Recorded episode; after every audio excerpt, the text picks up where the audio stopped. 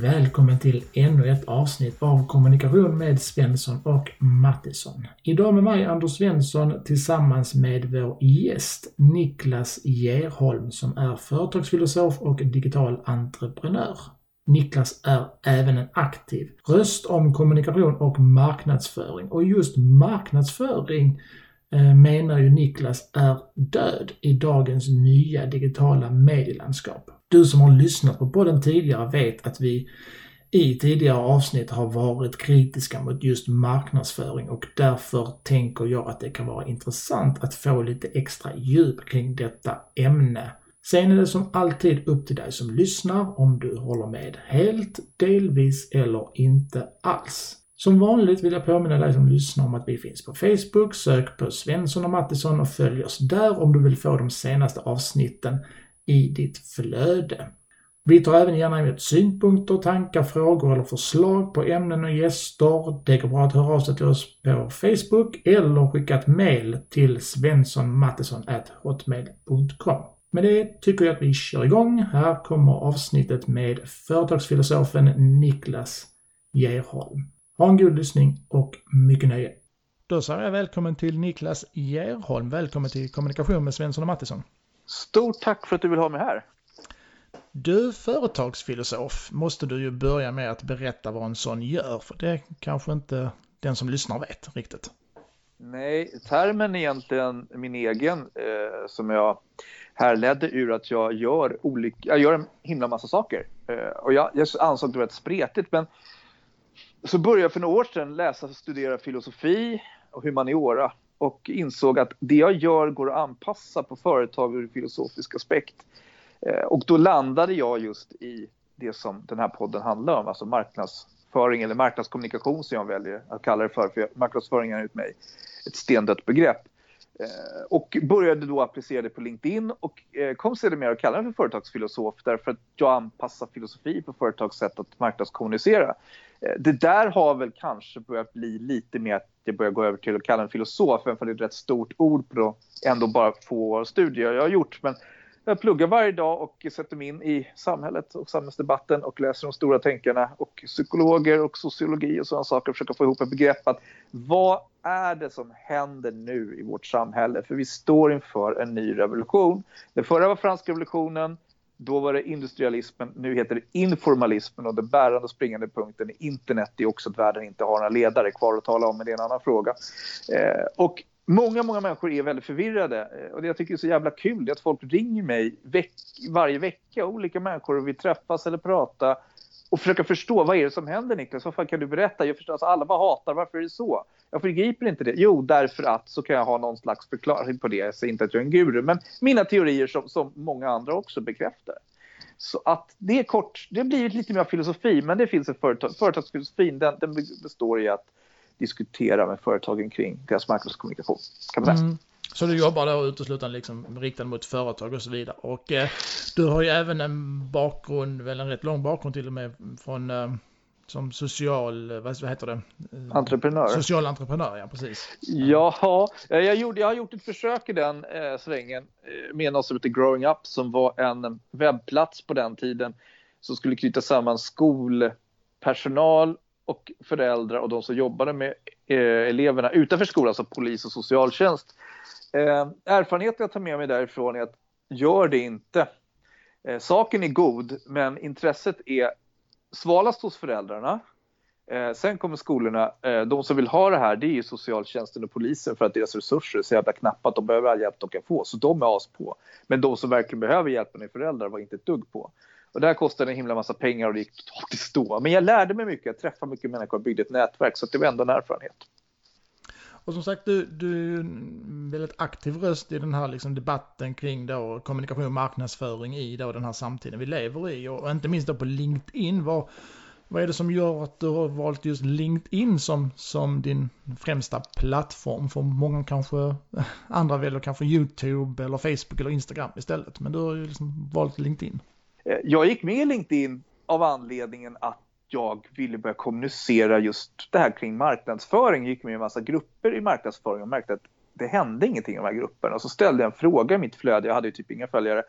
Och då var det någon som svarade då på min fråga och jag frågade varför varför händer ingenting i de här grupperna? Det är väl precis här vi ska vara. Då sa de att du ska inte posta där. Det händer ingenting där. LinkedIn funkar inget bra där. Använd ditt eget flöde. Ja, okej, okay, tänkte jag. Så jag började posta lite. Ställde frågor. Sen så var det faktiskt, jag bara ska utveckla det, så var det så att det var någon tjej som sa att video är nya heta. Det där har jag hört hur länge som helst. Men jag tänkte att okej, okay, jag gör ett test att spela in en video om just att marknadskommunikationen är död. Eller marknadsföringen är död, förlåt. Och se vad som händer. Hur många visningar jag får. Sen kan jag göra ett inlägg om hur jävla falsk den här tesen är. Och sen då jag liksom spelade in den, redigerade den, släppte den. Och sen kollade jag flödet efter ah, ett par timmar eller tre timmar. Då var det uppe i så 500 visningar. Då hade jag typ inga följare. Och så fick jag väl över tusen på den. Eh, och då insåg jag fan video kanske funkar. Så jag började göra en serie som heter CopTV som står för vad fan kallar det, Corporate Organization Philosopher, någon Communication Organization Philosopher tror jag jag kallar det för. Där är också det här med eh, företagsfilosof växte fram och började göra inslag om marknadskommunikation eh, och marknadsföring och vad skillnaden är och varför marknadsföring inte fungerar och varför marknadskommunikation är bättre. Och började sen också sväva ut lite mer i andra ämnen. Eh, och det har gått väldigt, väldigt bra. Nu har jag ett sommaruppehåll och så kommer jag troligtvis ta upp det här. Men det kan se ut som att jag glider över i andra samarbeten med andra LinkedInare. Eh, bland annat en podd som kommer att handla om rasism. Eh, som vi ska köra en säsong av i höst med en före detta kriminell invandrare som kan bli superspännande. Men det har ingenting med kommunikation att göra. Men det, liksom, det breddas hela tiden, fältet för det jag gör. Men marknadskommunikation är en grej och LinkedIn. Alltså, så startar du någonting på Youtube så har du ju liksom, alltså, det är så jävla svårt för alla står där och skriker och alla ska synas. LinkedIn har ändå en riktning. Och på LinkedIn är det så här att alla på LinkedIn i 99 fall av 100 är där för att sälja. Och för att sälja måste du kommunicera. Så att om jag gör då inlägg om marknadskommunikation så vet jag att det får respons. Och det är precis vad det får också. Så tänkte jag att ska jag bygga någonting på LinkedIn så börjar den här änden. Och när jag märkte att det gick väldigt bra så började jag också vidga mina vyer och prata om andra saker också och få liksom, ja, mer och mer följare och mer och mer visningar. Så liksom växte ut. Men LinkedIn är väldigt bra för att framföra budskap som är tydligt. Och det skiljer sig till exempel från Twitter och även Facebook i det att folk har varumärken på LinkedIn och de är inte beredda att börja kriga som de gör på Twitter med dig för att de är rädda om sitt varumärke. Så debatten kan bli, det blir mycket mer nyanserad, inte helt men, men mycket mer nyanserad än på andra sociala medier tycker jag. Så därför har jag valt LinkedIn. Sen får vi se vad som händer i framtiden, vart jag går vidare. Ja, nej, den spaningen kan jag ju hålla med om också. Att det, det, det är inte fullt så kanske hetskt och hatiskt på LinkedIn som det kan vara på andra sociala medier. Tack och lov för det. Utan att det är ju Precis. lite mer så att säga nyanserat. Man är ju inte anonym på LinkedIn utan man är liksom i sin profession och eh, tänker liksom också på hur man, hur man för sig i samtal med andra och så vidare. Vilket jag välkomnar väldigt mycket för att jag tycker att är det, är det någonting vi behöver så är det ju liksom ett, ett, ett nyanserat och, och, bra samtalsklimat där vi kan... Ja, vi behöver ett öppet samtal framför ja. allt. Och jag har jag, har, jag kan inte prata om det så mycket nu, men jag har faktiskt, eh, förhoppningsvis blir det av, en, en, en ny app, social media-app. Eh, och förhoppningsvis ett nätverk som kan sprida den också så att det blir känd, för det är det svåraste. Som ska ta tag i just problemet med det här hatet. Och jag, jag, har, jag har en psykologisk förhoppningsvis lösning på det, eller en förslag till lösning. Så vi får se vad det blir, men jag hoppas det kommer funka. Vi får se, jag får återkomma. Ja. Någonstans. Ja. Stay tuned där helt enkelt. Du, vi ska gå in lite grann då på det här med, med marknadsföring respektive kommunikation. Många skulle ju kanske hävda att de två sakerna går in i varandra och att de till och med kanske är, är eh, samma sak. Eh, men vad är skillnaden enligt dig på, på marknadsföring kontra då kommunikation? Så marknadsföringen handlar om att du för ut ett budskap, det är därför det heter marknadsföring. Och det är en monoton väg, det vill säga att du står på ett alptopp och skriker ner till publiken under dig. Och det fungerade ju då marknadsföringen kom igång på allvar, vilket jag kanske skulle definiera till 50-talet efter kriget och ekonomin började rulla igen. Och då tänker jag ju automatiskt på USA och eh, deras neonskyltar och The Happy Family och ja, allt brakar ju loss som fan i USA på den tiden. Eh, och då funkar det ju därför att du hade en kommunikationsväg som var enväg. Du hade tv, radio och tidningar. Du hade inte någon möjlighet att kommunicera tillbaka. Eh, så då blir det fråga om marknadsföring att få ut ett budskap eh, från företagens sida. Vad som sen händer då 1996 i Sverige det är att Connect to Internet blir årets julklapp. Och det startskottet tycker jag i svensk internetteknologi för att vi börjar prata med varandra. Och det som händer då, eller som inte händer då men som händer för 20 år senare då, då Youtube blir ett fenomen och även MySpace började med. Jag ska säga så här, det började med Det började med webbchattar, då vi chattade med varandra. Sen kom eh, med ICQ kan vi räkna in där också, mess, eh, MSN Messenger. Sen kom bloggarna och det är väl lite första vad som händer att vi börjar masskommunicera med varandra på ett annat sätt. Och bloggar var jättehett på 00-talet. Sen kom MySpace och MySpace blev, om jag fattat det rätt, lite också en kommunikationsplattform fast det egentligen handlade om att man skulle föra ut sin musik. Eh, men MySpace är så intressant på det sättet för att MySpace indikerar verkligen början på en väldigt tragisk era och som också föranleder det debattklimat vi har idag. Och det är att alla får lägga upp sin musik utan någon som helst restriktion. Och det här innebär att alla, exakt alla, får göra precis som de vill och alla ska lyssna på det och alla ska höras på den stora scenen. Och det som läggs upp där, det är sånt som skivproducenterna slänger i papperskorgen. Det har inte kvalitet nog. Så att det som händer är då att vi får den här första sociala medieplattformen. Den som ansluter till den sen, då MySpace går i graven, det är Facebook. Och jag tror inte Mark Zuckerberg riktigt fattade, och inte killarna på Google heller, vad det var de satte igång. De var för unga för att förstå vad det var de faktiskt startade.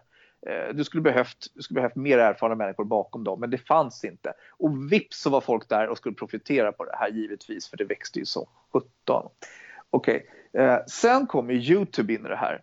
Och då Youtube kommer in i det här, då börjar det explodera på riktigt. Och sen kommer då eh, Instagram. Eh, och nu är det så att det jag ser då, som, som, kallas, som kallas för marknadsföring idag, det är att alla står på den här scenen och skriker och ingen jävel hör någonting överhuvudtaget. Eh, det är stort, stort, stort brus vi aldrig har sett förut. Och då är det så att för att du ska kunna kommunicera överhuvudtaget så egentligen, det finns, ja, det finns flera regler kan man säga, men, men eh, en av dem är eh, provokation. Alltså att du har ett genomtänkt budskap som du framför och bryter tonaliteten, vilket är förbjudet i det här landet, men det är ett väldigt enkelt sätt att tränga igenom om man är duktig på det och inte bara sitter och hatar. Eh, vilket jag försöker göra på LinkedIn. Jag har en hög tonalitet därför att jag vet att det ger, ger gensvar då jag gör det. Eh, och det är ett sätt. Men du måste liksom ta in, du måste ta in publiken i diskussionen. Du måste lyssna på publiken. Du måste ha en kommunikation och inte ett budskap du för ut. För att alla för ett budskap idag och ingen lyssnar. Så, så, så ska jag försöka sammanfatta det. Det här som du sa med, med, med provokation och så vidare, det, det är ju liksom ändå ett vedertaget sätt att bli liksom sedd och hörd på och så vidare. Uh, kan det inte också bli så att det är för många som vill provocera idag också? Att vi kanske börjar glida mer åt att vi vill ha den här nyanserade eh, bilden istället. Den här personen som inte hela tiden pratar i svart eller vitt utan snarare pratar om allting som är en enda stor gråskala som kan liksom prata om att å andra sidan det och å andra sidan det. Den här liksom lite mer sansade rösten eh, behöver inte glida lite grann mot det också för jag tycker ändå det är en liten trend som jag, jag, jag ser ändå att, att många liksom är trötta på den här personen som vill provocera för provocerandets skull för att bli hörd på och att man snarare söker sig till det mer nyanserade samtalet. Provokationen väcker debatten. Men eh, för att du ska föra nyanserad debatten så krävs det idag bildning och det har inte folk. Folk är inte bildade, folk läser inte böcker.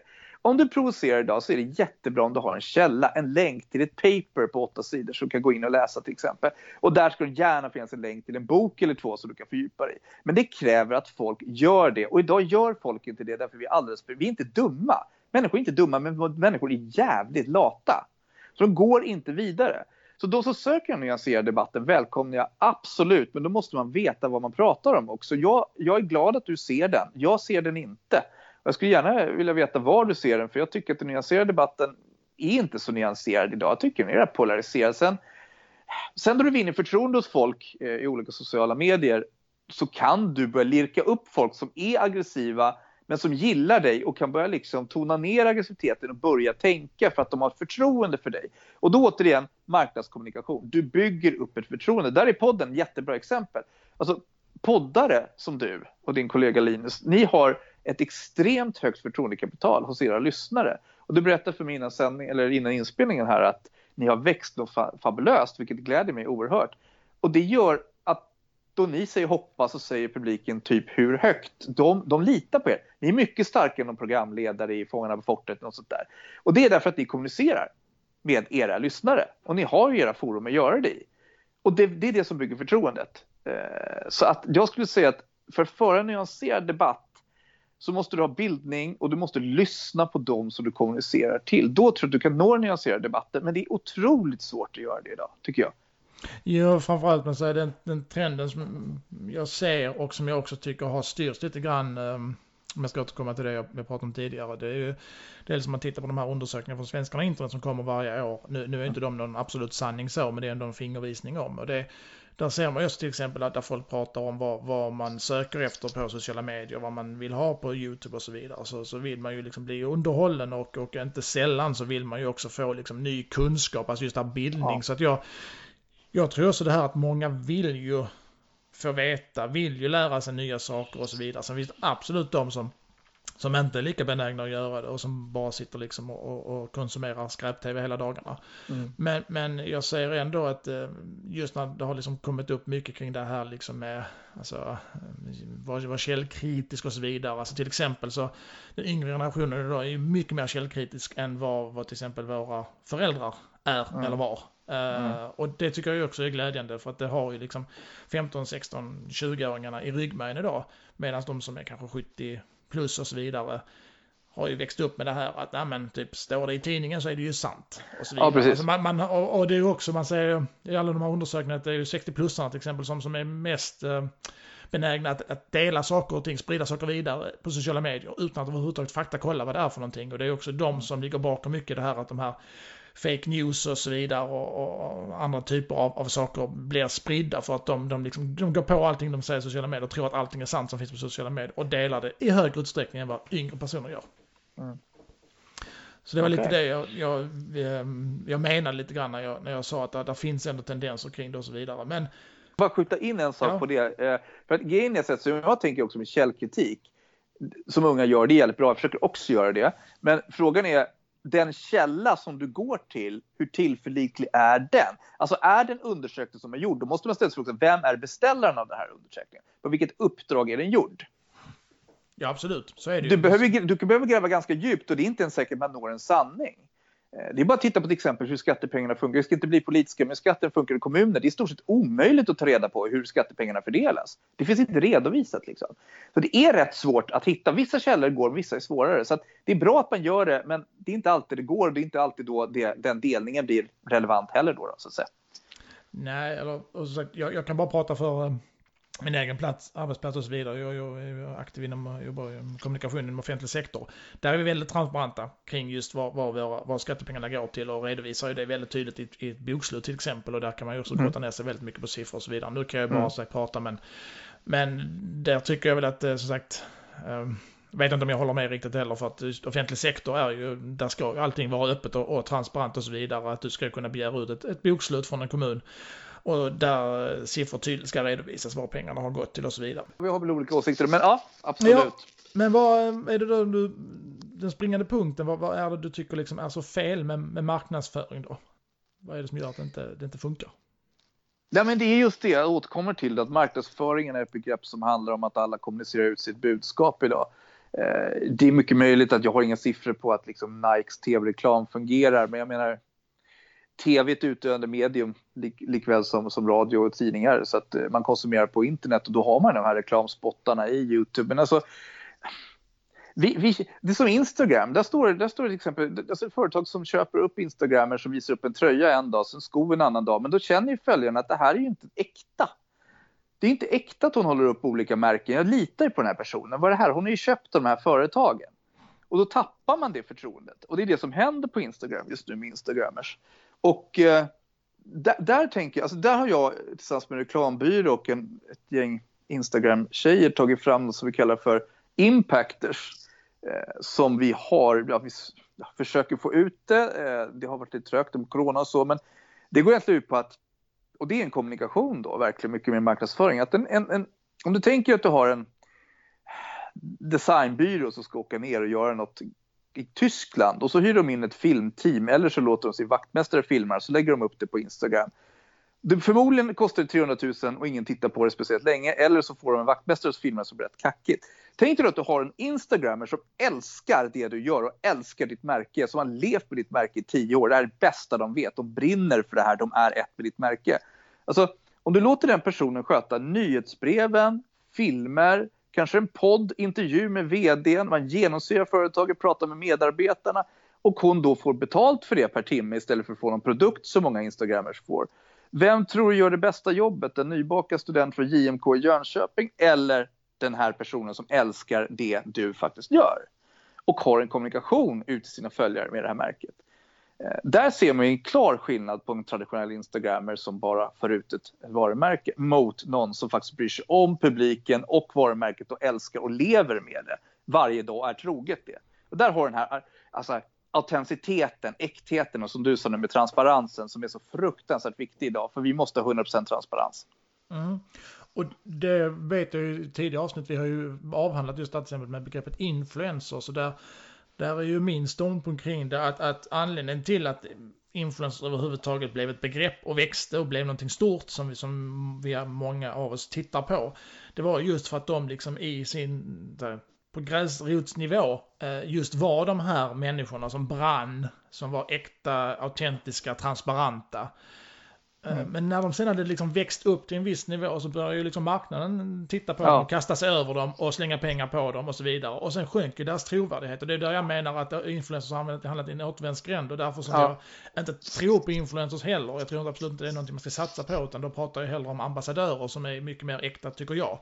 Eh, ja, det är vad jag kallar för impactors kanske. Något, ja, någonstans ja, dit. precis, ja. precis. Medan influencers, ja, det har mer eller mindre blivit synonymt med någon som tar på sig eh, en tröja ena dagen, gör reklam ja. för ett märke nästa dag gör det andra. Grovt förenklat givetvis att det är så. Mm. Sen finns det vissa influencers som är väldigt, så att säga, omdömesfull, omdömesfulla kring, kring sina samarbeten. Att man vill verkligen bara ha samarbeten som lirar med liksom den jag är och det jag mm. står för och så vidare. Mm. Så att det är mer så, medan vissa då kan ju liksom stå och göra reklam för Coca-Cola ena dagen och Pepsi den andra dagen. Alltså det, det finns ju ja, alla möjliga typer, men jag skulle säga generellt så, så har influencers tappat det som gjorde att de blev stora en gång i tiden. Mm. Eftersom att de mer och mer blir köpta personer och någon som är köpt för eller betald för att säga någonting som den tycker. Det är självklart att vi inte litar på den personen. Nej, precis. Och influencer var en ganska kortlivad trend också. Den håller ju nu som du säger på att dö ut. Och det beror ju på att vi söker efter det sanna värdet. Vi är så trötta på lögner så det liknar ingenting. Alla sitter och ljuger, media ljuger och reklamen ljuger och politikerna ljuger. Alltså vi orkar inte det. Vi ser det här och det är för att vi har internet så vi kan hitta de här källorna och se att det här stämmer ju faktiskt inte. Men det kunde vi inte på 70-talet. Bra exempel just kring det här liksom influencers, var, varför det? Alltså säg, säg liksom att jag bor på en gata, jag har två stycken grannar, båda två kör Volvo. Men mm. den ena grannen jobbar på Volvo, den andra mm. jobbar mm. inte på Volvo, jobbar någon helt annanstans. Mm. Jag går och frågar då de, mina båda grannar eh, och frågar om de tycker att jag ska köpa en, en ny Volvobil. Min granne mm. som jobbar på Volvo sa att självklart ska du köpa en Volvobil, den är kanon, den är skitbra, det, det, åk och köp med en gång. Mm. Och så säger min granne som, som också har en Volvo men som inte jobbar på Volvo, kanske samma sak. Vem litar jag mest på? Jag litar på han som inte jobbar på Volvo men som kör Volvo. För att han har liksom, han kan vara objektiv. Ja. Uh, han den andra har ju liksom, uh, han är färgad av att han jobbar på Volvo och så vidare. Och skulle mm. då han som jobbar på Volvo säger att köp den här Volvo-bilen, den är supergrym. Min granne som kör en Volvo men inte jobbar där säger nej, jag är inte nöjd med den här bilen, köp den inte. Då köper jag inte den. Så är det bara. Och det, det, mm. det handlar ju om det, han är oberoende. Du förstår skillnaden mellan de två. Om inte grannar betalat honom för att säga att Volvo är bra och sen får han provision på den bilen som säljs. Så det är väl lite, är det inte lite så account-based marketing funkar? Mm, absolut. Ja. Det är det väl. Nej men det, det, det, det, det, det är en skillnad och, och, hela skillnaden där ligger i liksom den här beroendeställningen eller eh, det talar du liksom för, för, för egen sak. Eh, en, en, person som inte har någonting att vinna på att säga den, den tycker, den, den säger liksom att jag, jag älskar de här chipsen. Ja. Jag har ingenting med OLV att göra, jag jobbar inte där, har aldrig jobbat där, kommer aldrig göra, känner ingen på OLV, men jag älskar de här chipsen, de är bäst, mm. de är grymma.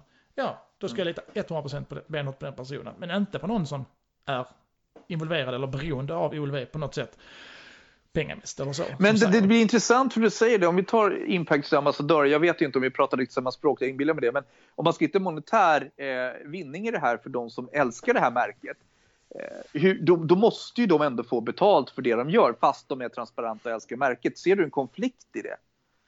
Det kan det ju bli, det beror ju på helt hur man paketerar den grejen och så vidare. Ja. Jag, jag, jag förstår ju, jag tycker din ståndpunkt där kring just det här med eh, då den, den som är dedikerad och älskar varumärket eller en nybakad student, att det är ju såklart den som är, är äkta och genuint älskar det här som är bäst på att kommunicera kring det. Det, det köper jag helt och hållet. Sen kan det ju alltid bli, alltså det, det beror helt och hållet på hur liksom ärlig, och, ärlig och transparent och så vidare man är. Alltså jag, det är ett kast exempel, men det är ju liksom det finns ju många YouTubers och poddar och så vidare som har väldigt, väldigt hög eh, följarskara och stor trovärdighet men som ändå gör sponsrade samarbeten som säger att vi är sponsrade av eller dagens avsnitt sponsras av mm. och så vidare. Då är man ju ändå tydlig kring det och då fattar man ju att det här liksom är, är, är, liksom en liten del av det. här är en liten reklamslott. Ja, mm. jag, får, jag får köra, köpa, köpa det. För det här gör mm. så att jag kan liksom ta, fortsätta den här grymma YouTuben eller podcasten kan fortsätta. Och, mm. och det vill jag att den ska göra. Ja, då kan jag stå ut med att den i 20 sekunder pratar om det och är väldigt tydlig med att det här avsnittet är sponsrat av och så vidare. Um, där tror jag inte de lider liksom någon större skada så direkt. Just för att de bjuder på så mycket annat värde och så vidare. Men när du bara mm. blir den här levande reklampelaren hela tiden som, som liksom bara springer dit pengarna finns. Ja, då, mm. då har du ju tappat ett värde eh, någonstans. Då, då blir det ju bara den här mänskliga reklamen. Ja. Nej men du har rätt, paketeringen är jätteviktigt. Och eh, då jag resonerar kring sådana typer av samarbeten så måste det kännas genuint och då vill jag att personen ska gå in på liksom detaljnivå och jobba med företaget som så det är deras vänner. Det ska kännas så. Men det är jätteviktigt hur man paketerar det, det begriper jag. Och det kan ju också krackelera efter en tid då pengarna växer sig stora eller någonting sånt. Så jag inser problematiken i det, nu då vi pratar om det, absolut. Mm. Men eh, det här är jag lite nyfiken på, för som sagt, eh, det är ju ändå trots allt att det, fin det finns som sagt två läger här. Det är en vattendelare det här med marknadsföring. Vissa menar att den, den lever absolut och det finns en, en, en, det finns en plats för den även i det nya medielandskapet och vissa säger att den är stendöd. Um, det är ju ändå, oavsett vad, vad, man kan tycka om det, så är det ju många som fortfarande håller på med det här med marknadsföring. Det, det är ju bara att ge sig ut i det digitala medielandskapet så ser man ju det. Uh, och jag menar just, just här, företagen framförallt, de, de är ju egentligen bara där. Det är liksom ett enda syfte, de vill tjäna pengar. Uh, mm. Hade de inte slutat med det här med marknadsföring om de inte hade, hade sett att det, fun att det, det här fungerar inte, vi cashar inte in på detta. Jag har inte omsett i alla företag, men det, det jag skulle säga är att du har alldeles för stor, det är för, mycket, det är för många som skriker och för mycket konkurrens, förutom du har en jättebudget då, som Coca-Cola kanske. Det funkar väl fortfarande, men jag tror också att folk tröttnar på Coca-Cola. Och sen har du också det som börjar vävas in nu i det ideologiska, ideologiska reklambudskapet som vi har sett nu med Black Lives Matter och en massa företag som då ska stötta Black Lives Matter och gör sådana reklamslogans nu. Eh, livsfarlig väg att gå om man inte hanterar det på rätt sätt. Det är bara att titta på vad SAS gjorde här i februari tror jag det var de fick ju plocka ner sin YouTube-film efter ett par timmar därför den blev så överöst med skit då de sa att Sverige inte hade någon kultur. Eh, man ska inte in i de grottorna om man inte vet vad man håller på med. Eh, ja, alltså, det är klart att marknadsföring funkar, men jag jobbar ju med massor med eh, sådana här eh, influencers och jag ser ju hur det går upp och ner för dem. Och det är Facebook, alltså om vi pratar digital marknadsföring, för traditionell marknadsföring den är jag inte speciellt inläst på. Jag tror den, den är väl verkprint och sånt där är på väg bort. TV kommer på väg bort, vi går mer och mer över till Youtube. Så om vi lämnar de traditionella reklamerna eh, åt sitt öde och tittar på digitala marknadsföringen som jag är mer inläst på så skulle jag väl säga att alltså Facebook-reklam, jag har jobbat med det med Facebook-reklam och visst den fungerar.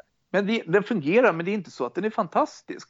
Och ju starkare algoritmen växer sig, desto mer så kommer ditt budskap inte att synas för att algoritmen kommer börja servera dig det du, algoritmen vet att du vill ha innan du ser budskapet överhuvudtaget. Så att liksom, sökmotoroptimering, jag jobbar med på sådana bolag idag och det är så kul för jag, anledningen till att jag började jobba med dem var att jag sa att ni vet att er bransch kommer dö väldigt snart. Och då finns det, vissa säger det till och säger så här, du kan dra åt helvete din jävla idiot och andra säger som de här två, sätter sig kan vi inte ta en fika och du får berätta vad fan du sitter och säger nu. Och så får jag fram mina teser och så säger jag så här, fan du kan ju ha rätt i det här, det här ska vi titta på. Så jag tror att det vi ser idag, det vi ser här på Spotify, på Youtube, på Google, du, alltså de, de här företagen vet ju vem, de vet inte vem du är personligen för det är inte kopplat till din person, men de vet vad som söks och vad du söker på, men det är bara ditt ID som du söker på. Så att de vet ju det här redan. Algoritmen blir smartare och smartare och smartare, så till sist kommer du inte ens behöva söka utan du får det serverat. Och det är liksom dit vi är på väg nu. Eh, så marknadsföringen, ja, den lever kvar. Jag säger, ja, jag säger att den är död och det är provokativt. Det är klart att det finns folk som fortfarande kan tjäna pengar på det. Men det, det är på väg bort. Vi är på väg in i en ny tid.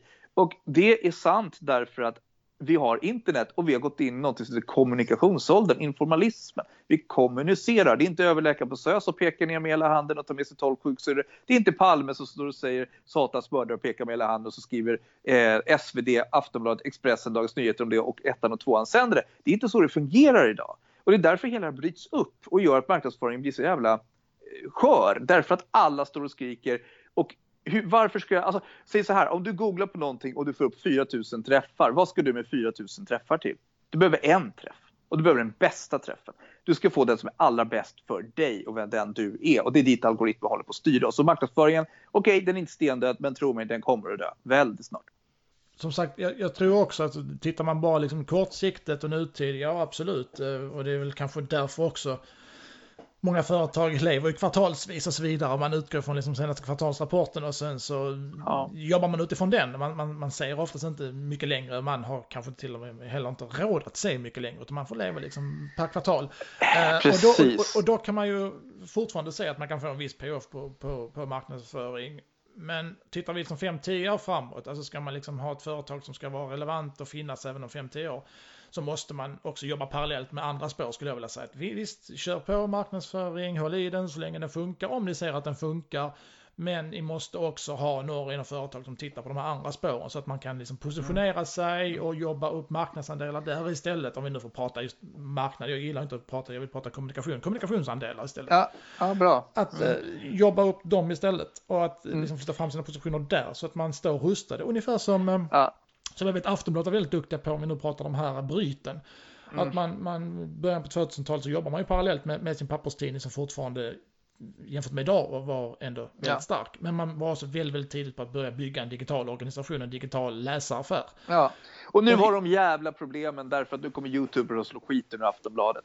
De kan inte slåss mot det här längre. Nu kommer sanningarna fram. Aftonbladet är en redaktion och den är styrd och det är naturligtvis finns en agenda. Det finns inga journalister, det finns bara äh, det finns bara aktivister och det är de som sitter och styr det här. Och då får folk bara, nej vi är trötta på det här. Vi söker vår egen information. Jag följer Simon Wu till exempel. Han är en kinesisk, eh, jag vet inte om han är student, en ganska ung i Kina som jobbar via en VPN-tunnel för man får inte ha YouTube i Kina. Och kommer ut på YouTube med berättelser om Kina. Det är honom jag lyssnar på. Jag går inte till China Today eller läser Aftonbladet om jag vet något om Kina. Liksom. Så medierna har ett problem där. Men sen är det också intressant att säga med kvartalsrapporten. för det där det missade jag att säga. Jag håller fullständigt med dig. Idag är de här marknadskommunikatörerna eller marknadsförarna, vad de vill kalla sig för något, de är så jävla rädda om sina jobb. De slåss ju med näbbar och klor för att visa upp de här svarta siffrorna för eh, vd och ägare. Och jag har själv råkat ut för det där jag höll på att sälja in en egen podcast till ett eh, större vårdbolag där Tjejerna, givetvis tjejerna, för det är de som fattar, det är de som är socialt intelligenta. De satt ett par pinnhål under vd och fattade exakt hur vi tänkte att vi skulle föra ut det här vårdbolaget tillsammans med vår podcast och de tyckte att det var briljant och de älskade det av hela sin själ. Sen gick de till ledningsgruppen och där fick de tvärnej och vi fick inte ens träffa vdn. För vdn var en gubbe och han förstod inte ett skit av det här och ville bara ha svarta siffror, snabb reklam ut, snabbt, snabb omsättning, ingen långsiktighet överhuvudtaget. Och det är det jag tror du säger, du säger 5-10 år måste jobba parallellt. Idag om du ska starta företag så måste du tänka långsiktigt och du måste tänka att du ska hamra in ditt budskap och du måste vara 100% transparent och ärligt. För annars kommer du misslyckas. Du måste vara ärlig och du måste känna din publik, du måste kommunicera med dem och lyssna på dem och ge dem precis vad de vill ha. Du måste vara bäst.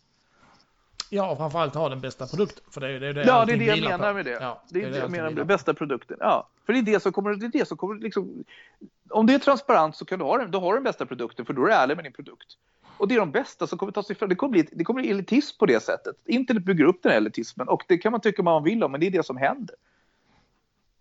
Ja, Nej, vi går onekligen mot dit och det, det, finns ju väldigt många saker idag som, som, som tyder på, på att vi är på, på väg just dit, uh, åt det hållet.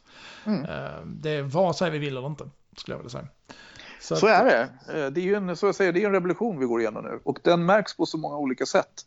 Eh, och den, den kommer nog bli blodig, tror jag. Jag är ganska oroad för de närmsta, ja, jag vet inte, 10, 20, 30 åren eh, faktiskt. Eh, men här kommer det, det kommer växa fram en ny en ny överklass en, en, som, som, som är de bildade och kommunicerande människorna. De kommer att ta, ta, ta grepp på det här. Men jag tror inte det kommer att speciellt många. Men det har inte så mycket om kommunikation. Men, men, men kommunikation är hela grunden till det vi pratar om. Eh, det var det ju också under franska revolutionen säkert som du har hört eh, Bard prata om. Han menar att pamfletterna som delades ut på Paris gator då de hade lärt sig läsa och skriva efter mycket om och men efter Gutenberg byggde tryckpressen 1550-200 år tidigare. Det gjorde ju att de for ner till Marseille och högg huvudet av adeln. Därför de fick information till sig. På den tiden var det en envägskommunikation. Då läste man pamfletter. Men det som händer nu, det har vi fått internet. Det är nya informationen. En ny informationspunkt i vår historia. Det förra var franska revolutionen och pamfletterna och tryckpressen. Och då händer någonting. Och det är inte den enda saken. Vi kan alltså titta, man kan, om man kan göra eh, jämförelse till första världskriget också och se hemska likheter eh, med den tiden kontra vår tid nu. Eh, jag har en underbar filosof på LinkedIn som är så jävla duktig som jag diskuterar här med. Och, ja, det är skrämmande, men informationen är en bärande punkt i det här. Och det är, därför är den här podden också väldigt viktig då ni pratar, pratar om kommunikation. Den är jätteviktig. Kommunikation är det vi har kvar. Liksom. Vi måste hantera det. Ja, absolut så är det ju. Och, eh det är ju liksom kommunikationen verkar och lever i sin samtid och, eh, och eh, i samtiden så är ju såklart att man ska ju liksom inte försöka eh, föra ihop och, och, bli alldeles liksom för, för politisk och prata om politiska saker och så vidare. Men, men så är det ju att det, allting verkar i en sorts samtid och samtiden styrs ju väldigt, väldigt mycket av liksom hur det politiska landskapet ser ut och så vidare. Mm. Uh, och där är det ju skakigt i många delar av världen, verkligen inte bara i Sverige, utan uh, det är ju liksom lite här och var. Det, så är det ju. Vi, ja, men sen har vi ju ja. levt i oroliga tider förr och människorna har kommit ut på andra sidan och det har liksom Ja, vi kommer, att, uh... jag tror vi kommer komma ut på andra sidan, men frågan är egentligen var vi kommer ut. Därför att inom, innan det här seklet är slut så kommer maskinen ställa oss frågan, vad fan är ni människor bra för? Så, så, alltså det kommer att hända. AI kommer att växa till, robotindustrin. Jag, jobbar, eller jag har kontakt med en robotingenjör Det han berättar för mig som jobbar med robotar över i, i, i världen är, alltså jag tror inte mina öron när jag hör det. Det, alltså, det skrivs inte om det här därför att det här är egentligen ingenting som jag tror att pressen vill skriva om för det här är ju skitläskiga saker. AI är ju jävligt smart, Läs om det i populärpressen men inte så mycket i vanliga pressen. Så att maskinen kan mycket väl bli det som blir nästa punkt och som så att säga blir nästa revolutionen. Och då är frågan vad som händer då. Det är, jag är ingen futurolog så det vågar jag inte säga om men det är rätt hisnande tankar, eller hur? Mm, mm, absolut, jo men eh, jag brukar säga så är det, det är det som är så spännande med, med de flesta ämnena att ju mer du grottar ner dig i någonting ju, ju läskigare blir det och ju mindre fattar du egentligen av det. Um, så att det, det är därför också det är så viktigt att, att verkligen försöka grotta ner sig och bilda sig också och, och gå ja. igenom de här lagren och stadiet av där man tycker att oh shit nu blir det läskigt här och nu, nu fick jag veta lite väl för mycket och så vidare. Men det är ju nästan det som krävs också för att kunna liksom vara sann mot, mot sig själv och också att förstå vad, det, förstå vad det handlar om någonstans. För det är, det är många idag som i det här liksom, när det liksom gamla medielandskapet slåss med det nya. Det är, ja. många i det här som inte förstår riktigt vad det är som händer mm. och när man inte förstår vad som händer så blir man rädd, då blir man eh, kanske aggressiv, man blir hatisk ja. och så vidare. Ja. Det är verkligen inte så överallt. Majoriteten av alla människor är ju vettiga, kloka, sansade, duktiga människor. Sen finns det en liten klick som, som på egentligen båda sidorna av politiska skalan som är Absolut, hatiska båda. och högljudda. Nej, men de, de är inte dum, det är som du säger, de är inte dumma men de är lata. Därför bildning handlar om att du måste engagera dig i någonting. Och vi har, vi har, vi har tappat ansvaret i väst. Vi har inte, tar inte ansvar längre för vi har haft det så jävla bra. Vi tar inte ansvar och då blir vi lata. Så de här människorna som liksom läser och är bildade och kan föra det nyanserade samtal som du pratar om. De är ganska få. Och det är, liksom, det är dit vi måste gå. Vi måste gå åt de bildade människorna och ta reda på. Alltså, om man tittar på historien, vad har hänt förut? Vad händer nu? Vad händer då i framtiden? Vad kan hända i vår framtid? Vi ska försöka avrunda här lite grann. Eh, och eh, om man vill liksom följa dig, eh, Niklas, och ditt fortsatta arbete här nu, var, var vänder man sig då? Vi har ju nämnt LinkedIn tidigare. Att du finns där, finns det någon annanstans man kan vända sig för att följa med? Nej, alltså jag är på LinkedIn därför att det är det bästa forumet. Facebook är bara att glömma. Det är ingen idé för mig att vara på Facebook. Då måste du vara, ha en officiell konto och vara en känd person för att det ska fungera där. Annars blir det bara en ekokamera och allting. Twitter är en stor jävla dagisgård där du eventuellt kan slänga upp, slänga upp små tankebubblor och experimentera med idéer men det är inget ställe att, att föra fram olika åsikter på. Inte för mig som företagsfilosof. Utan LinkedIn är garanterat det absolut bästa eh, om ni vill följa mig och ta del av mina idéer och tankar. Och eventuellt så kan jag ge in på Youtube, men då kommer det stå på LinkedIn. Men det får vi se lite. Så LinkedIn är det gjutna stället. Där finns också länk till min hemsida thegenius20.wordpress.com Och vill man gå in och titta där så står det en hel del om det vi har pratat om idag. Jag har också något som heter Gerholm Niklas, gerholmniklas.wordpress.com som går lite djupare in i, i företagsfilosofins värld också om man vill läsa där. Så LinkedIn om man vill kommunicera och vill man läsa mitt marknadsföringsbudskap så är det Wordpress.